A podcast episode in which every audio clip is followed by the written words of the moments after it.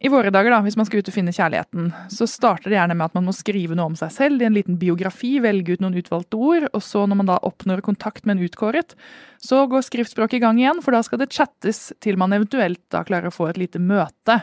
Det betyr jo at man må være ganske avhengig av en god penn, rett og slett, for å bli gift. Ja, her må jeg bare være representant for eh, den eldre garde og si er det sånn det foregår i våre dager?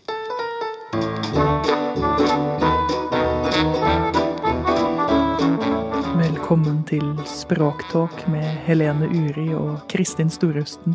Og det er jeg som snakker, men jeg har tatt på en litt sånn romantisk stemme. Eller er det en romantisk stemme? Eller blir det Brødrene Dal? Nei, nå, nå sklir det ut!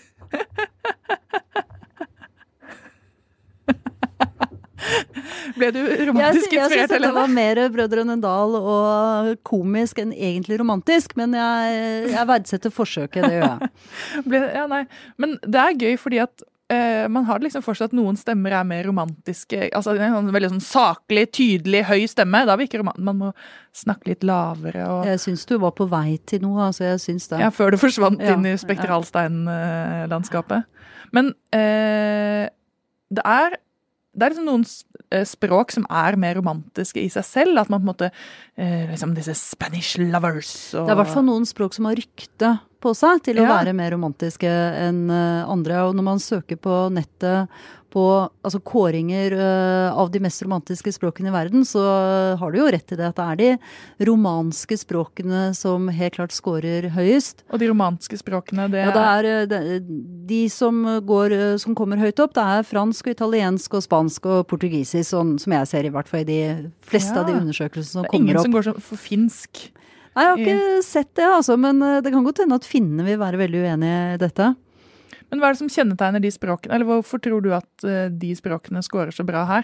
Er det noe med språket, eller er det på en måte noe med liksom Som språkviter så vil jeg si at jeg tror egentlig ikke det er egenskaper ved språket. Jeg tror det er eh, egenskaper ved kulturen og de forestillingene vi har om språket. Ja. Eh, og det er også sånn at når jeg har spurt folk om hva deres favorittspråk er, for det hender at jeg gjør, så er jo italiensk kanskje det mest Hva skal vi si det, det favorittspråket som flest nordmenn har. Ja. Ja, og det, det handler jo om kulturen og italiensk for begynnere, og at man tenker at det er veldig sånn fint. Men du tror altså det ikke er noe i språket i seg selv som gjør det mer romantisk eller kjærlighetsaktig enn de andre?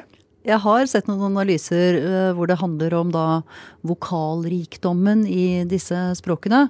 Men sånn sett så burde jo norsk score veldig høyt, for vi har jo en hel haug med vokaler. Så da burde vi komme høyt opp på disse listene. Så jeg tror nok det har aller mest med våre forestillinger om hva romantikk er, og at det er eh, varme sommerkvelder og god vin og hete kysthunder, under mørke Nå begynner dette å skli bra ut i en helt annen type podkast. For det er jo liksom språket vi skal snakke om i denne podkasten, da. Men eh, romantikk i denne sammenhengen. Men la meg da Ja. bryte inn og si at eh, for meg, jeg tror kanskje jeg hadde vært skeptisk hvis jeg hadde fått en uh, italiener som hadde erklært sin kjærlighet til meg. For det, det gjør de jo faktisk stort sett uten subjekt. Altså på Jeg trodde du italiensk. skulle si uten truser. Nei,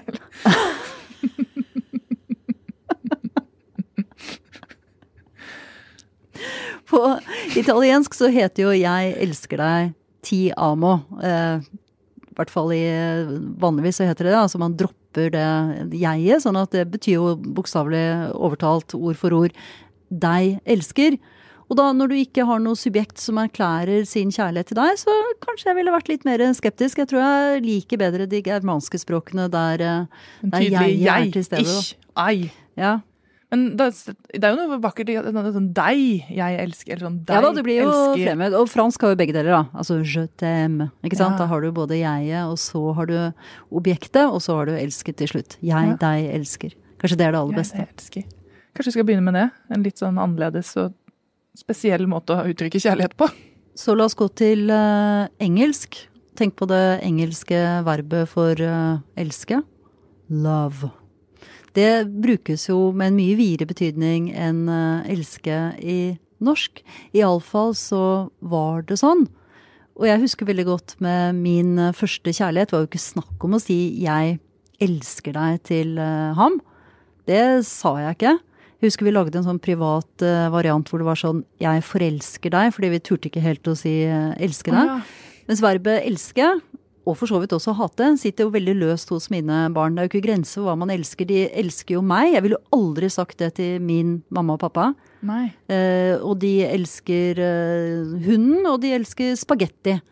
Så jeg tror da at det norske ordet 'elske' har blitt påvirket av det engelske lav, sånn at det brukes nå i flere sammenhenger enn det tradisjonelt sett har blitt brukt i norsk. Men ville du brukt da ordet 'like' istedenfor? Altså ville du sagt eh, For det er en ting er på en måte at vi uttrykker mer følelser, eller er det at det på en måte erstattet et annet ord konkret? Altså kunne du sagt til Altså jeg liker spagetti, kunne man jo sagt, men ville du sagt til moren din 'jeg liker deg', eller Ja, Jeg setter pris på Jeg deg, glad i glad i deg. Ja, Ja. sånn at man mm. har man økt med den Ja, så det har gått litt inflasjon i 'elske'. Det var, det var et sånt ord som glitret helt der oppe, som virkelig strålte av diamanter og ekte kjærlighet. Altså dette var et ord du bare tok frem i de veldig sjeldne anledningene, Ja. mens nå bruker man det mange, mange ganger uh, hver dag. Jeg ser liksom for meg den gamle vikingen som var sånn på dødsleiet til slutt, så var det sånn 'Jeg elsker deg, pappa'. Da liksom kunne ordet komme i, i liksom de der frosne nordiske kroppene våre. Det er litt der. Eh, Jeg tror jo ikke at vi er mer romantiske i, i våre dager enn man var tidligere. Jeg tror jo ikke det. Jeg tror det er bare forskjellige måter å uttrykke det på. Vet vi noe om det, eller er vi nå Jeg vet vi ingenting tenker? om vikinger og romantikk. Men grekerkjærlighet, det vet jeg en del om. Og nå tror du at jeg var på noe sånn eh, romantisk tur til Rådås, men eh, jeg holder meg til grammatikken her. Fordi eh, i gresk så har du jo flere ord for det å elske, altså flere ord for kjærlighet. Ja. Eh, og jeg tror vi kan eh, flere av dem. Det er jo den erotiske kjærligheten, erotas. Og så kjenner vi jo filia, altså den, eh, den ikke-romantiske kjærligheten mellom hva skal vi si, likeverdige, altså som venner, eh, familie. Og den kjenner vi jo også igjen i et ord som la oss si frankofil, da, siden vi har snakket om, eh, om franskmenn og erotikk og kjærlighet tidligere her. Eh, og så har vi agape, ikke sant? som er da eh, nestekjærlighet. Og så er det et eget ord som da er kjærlighet eh, mellom foreldre og barn. Så har de fire grunnord for kjærlighet eh, på gresk. Det er flott. Blir de flinkere til kjærlighet da, eller, eller har de bare flere fancy ord? La de da, Mr. Frenchman. Dette er jo den store diskusjonen om i hvilken grad språket er med på å påvirke virkeligheten vår. Jeg tror jeg holder en knapp på at de, eh, de har omtrent samme forhold til kjærlighet som vi har her i landet. Ok, så si at du skal ut og finne kjærligheten i dag, da. Så da må du starte med å opprette en profil, og så må du lage en liten biografi hvor du skal velge da noen utvalgte ord eller emotikoner. Eh, og så, hvis du da skal oppnå kontakt med din utkårede, så fordrer det en lang rekke skrifttegn, altså chatting. Det er den måten man finner hverandre på. Det er få som går ut og møter hverandre tilfeldig. Nå er det liksom Tinder og disse appene som gjelder. Du får litt sånn skeptisk uttrykk i ansiktet. Ja, jeg Helene. sitter mer og er forundret og føler meg uendelig gammel. Er det virkelig sånn det foregår i våre dager, sier jeg da som en sånn gammel eh, tante her fra sidelinjen. Ja, altså her er jeg, jeg er litt gammel tante her også, men jeg har vært ute på feltarbeid og snakket med yngre mennesker som også er på datingfronten. Men jeg kjenner det igjen selv også, for at nå, eh, jeg er født på 80-tallet. Så jeg vokste opp med chatting, og jeg kan huske den derre hvor viktig det var å bare i dag MSN Messenger og ha liksom de riktige symbolene og eller sitatet i sitt navn, som var det eneste stedet man kunne presentere seg. Og så når man kom hjem fra skolen, så var det liksom sette seg ned i kjelleren, åpne opp maskinen, få i gang alle trådene igjen som gikk med alle. ikke sant? Noen av de man var litt forelsket i, og så var det en sånn eh, Jeg husker ikke man kunne ha felles, tror jeg, men da var det ikke med alle vennene og holde liksom vitser og sende lenker, og det var på en måte en sånn kommunikasjon som jeg bare nå savner noe så innmari, da. Fordi at eh, Da okkuperte vel vi også fasttelefonen da, og satt og snakket, Snakket og snakket og og- snakket, så ingen kom igjennom, og ingen eh, fikk kontakt med resten av familien i det hele tatt. Altså tolke hvert liksom minste symbol. Men satt dere og snakket med, altså med han altså for Jeg har jo liksom hatt chatråd med han jeg var forelsket i. Jeg ble jo aldri sammen med noen av disse. For at, ja, sånn var mitt liv. Men Jeg husker tre timer lange samtaler med en som jeg var forelsket i, fra da telefonbordet i entreen i Ullevål Havby. Ja. det kanskje kan hende at foreldrene dine også husker det, for alt vi vet. Eh, men det eh, Jeg holdt på å si ikke at det går over, men det er på en måte den det skriftlige overskuddet. Det var en av de jeg snakket med som sa liksom, det var jo som å suge på en karamell. det der å sitte og, Hvordan skal man formulere seg, hvilke ord skal man velge, hvordan skal liksom min kjærlighet komme frem gjennom liksom disse 29 bokstavene i, på en ordentlig måte. og i dag. Nå er jeg da godt gift, og det er helt fint, nå må bare understreke det, men meldingene vi sender til hverandre er jo veldig liksom sånn har du husket kaffe? Eh, jeg går nå. Eh, kommer før tolv. Altså, det er jo på en måte veldig lite igjen av den der eh, hvilket, nøyaktig hvilket ord skal jeg bruke i denne sammenheng. Kan du savne det? Ja, Hadde ikke det vært det samme talespråket da? At Man har gått gjennom en eh, periode der man sier pene ting til hverandre og blafrer med øyenvippen og alt er fryd og gammen, og man leter frem de flotteste ordene og de vakreste komplimentene til å si at nå, nå må du huske på å kjøpe dopapir. Ja, kanskje ja, Det blir veldig mitt, sånn, mitt privatforhold her, men eh, nei, jeg tror vi er litt sånn flinkere sånn muntlig. På, for det sier jo alle sånne bøker. er veldig sånn på å si sånn, Man skal huske å si at man elsker hverandre, og si fine ting til hverandre. og nei, Det gjør vi fortsatt. Men den, vi hadde en sånn runde, altså apropos inspirert av ungdommen, så leste vi sånne snapstreaks. Altså at I Snapchat eh, så får man da en sånn liten flamme ved siden av navnet til den man da har sendt meldinger med i så og så mange døgn. Da må man sende minst en melding. Eh, og de ungdommene som da var intervjuet i avisen, de hadde jo da snapstreaks gående med vennene sine som hadde vart i tre år og lignende. Og vi, eh, ikke sant, fordi vi er gamle mennesker, lo litt av det. Men så prøvde vi det, da. Altså jeg og mannen min. Så var det var ganske koselig, for den der liksom lille sånn eh, frem og tilbake-kommunikasjonen, at det ikke skulle være så stort hele tiden, det var ganske koselig. Jeg er helt sikker på at mannen min og jeg sender hverandre hjerte hver dag. Altså Gjør dere det? Ja. Så koselig. Kanskje jeg skal begynne å sende mer hjerter og uh, Men det er jo fascinerende på en måte hvordan vi også uh, jeg tenker at det er sånn En del av å bli voksen er jo at veldig mye av kommunikasjonen nå er på en måte veldig sånn utveksling av informasjon. Jeg sender e-poster for å si 'jeg kommer dit og da'. Sender, når jeg sender melding og sier vi skal møtes i podkaststudio, så legger jeg ikke til et par komplimenter og noe morsomt eller vittig. Det blir på en måte veldig sånn businessaktig, og det er jo litt trist, da.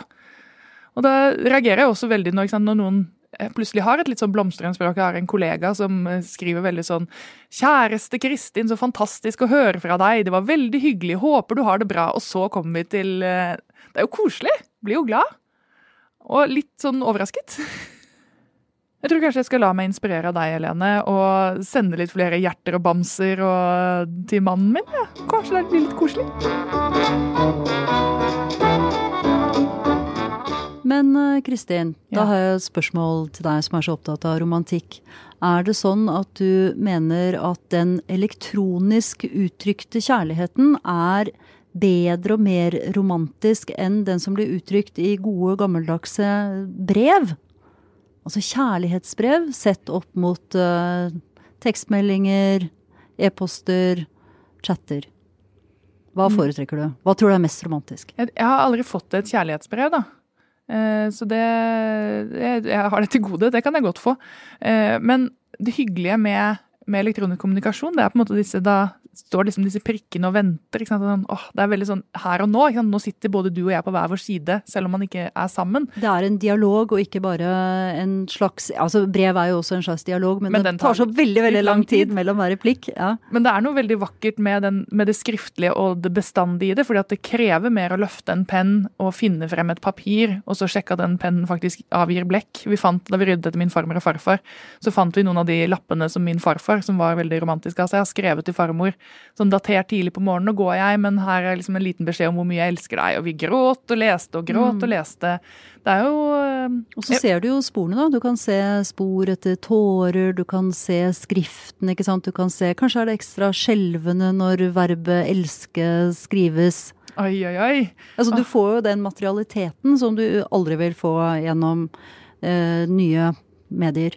Ja, og når ting er skrevet litt sånn i sinne eller affekt. Jeg skrev dagbok gjennom hele oppveksten også. Da kan du jo se tilbake på liksom, om det er skrevet om natten, om at du slukker lyset og at det ble for mye. Det ligger der på en måte i teksten. Og så kan du jo angre på en helt annen måte med brev. ikke sant? Ja. Du kan la være å postlegge dem dagen etter.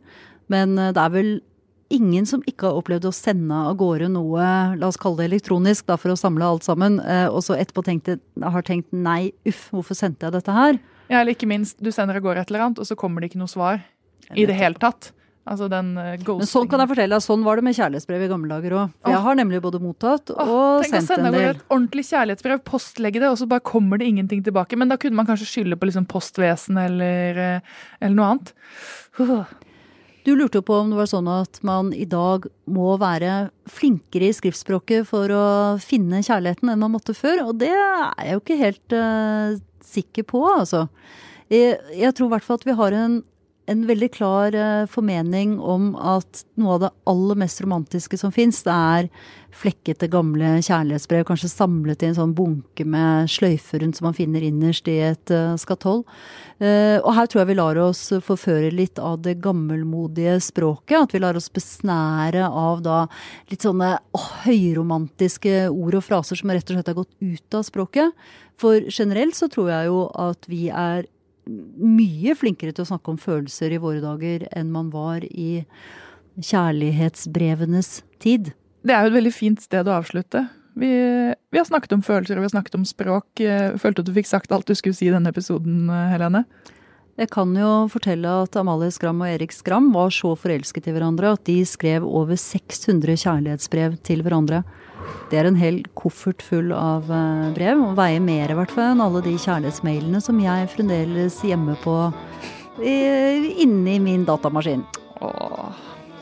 Og med det sier vi takk for denne episoden. Produsent har vært David Vekoni, og ansvarlig redaktør i Aftenposten er Trine Eilertsen. Vi høres.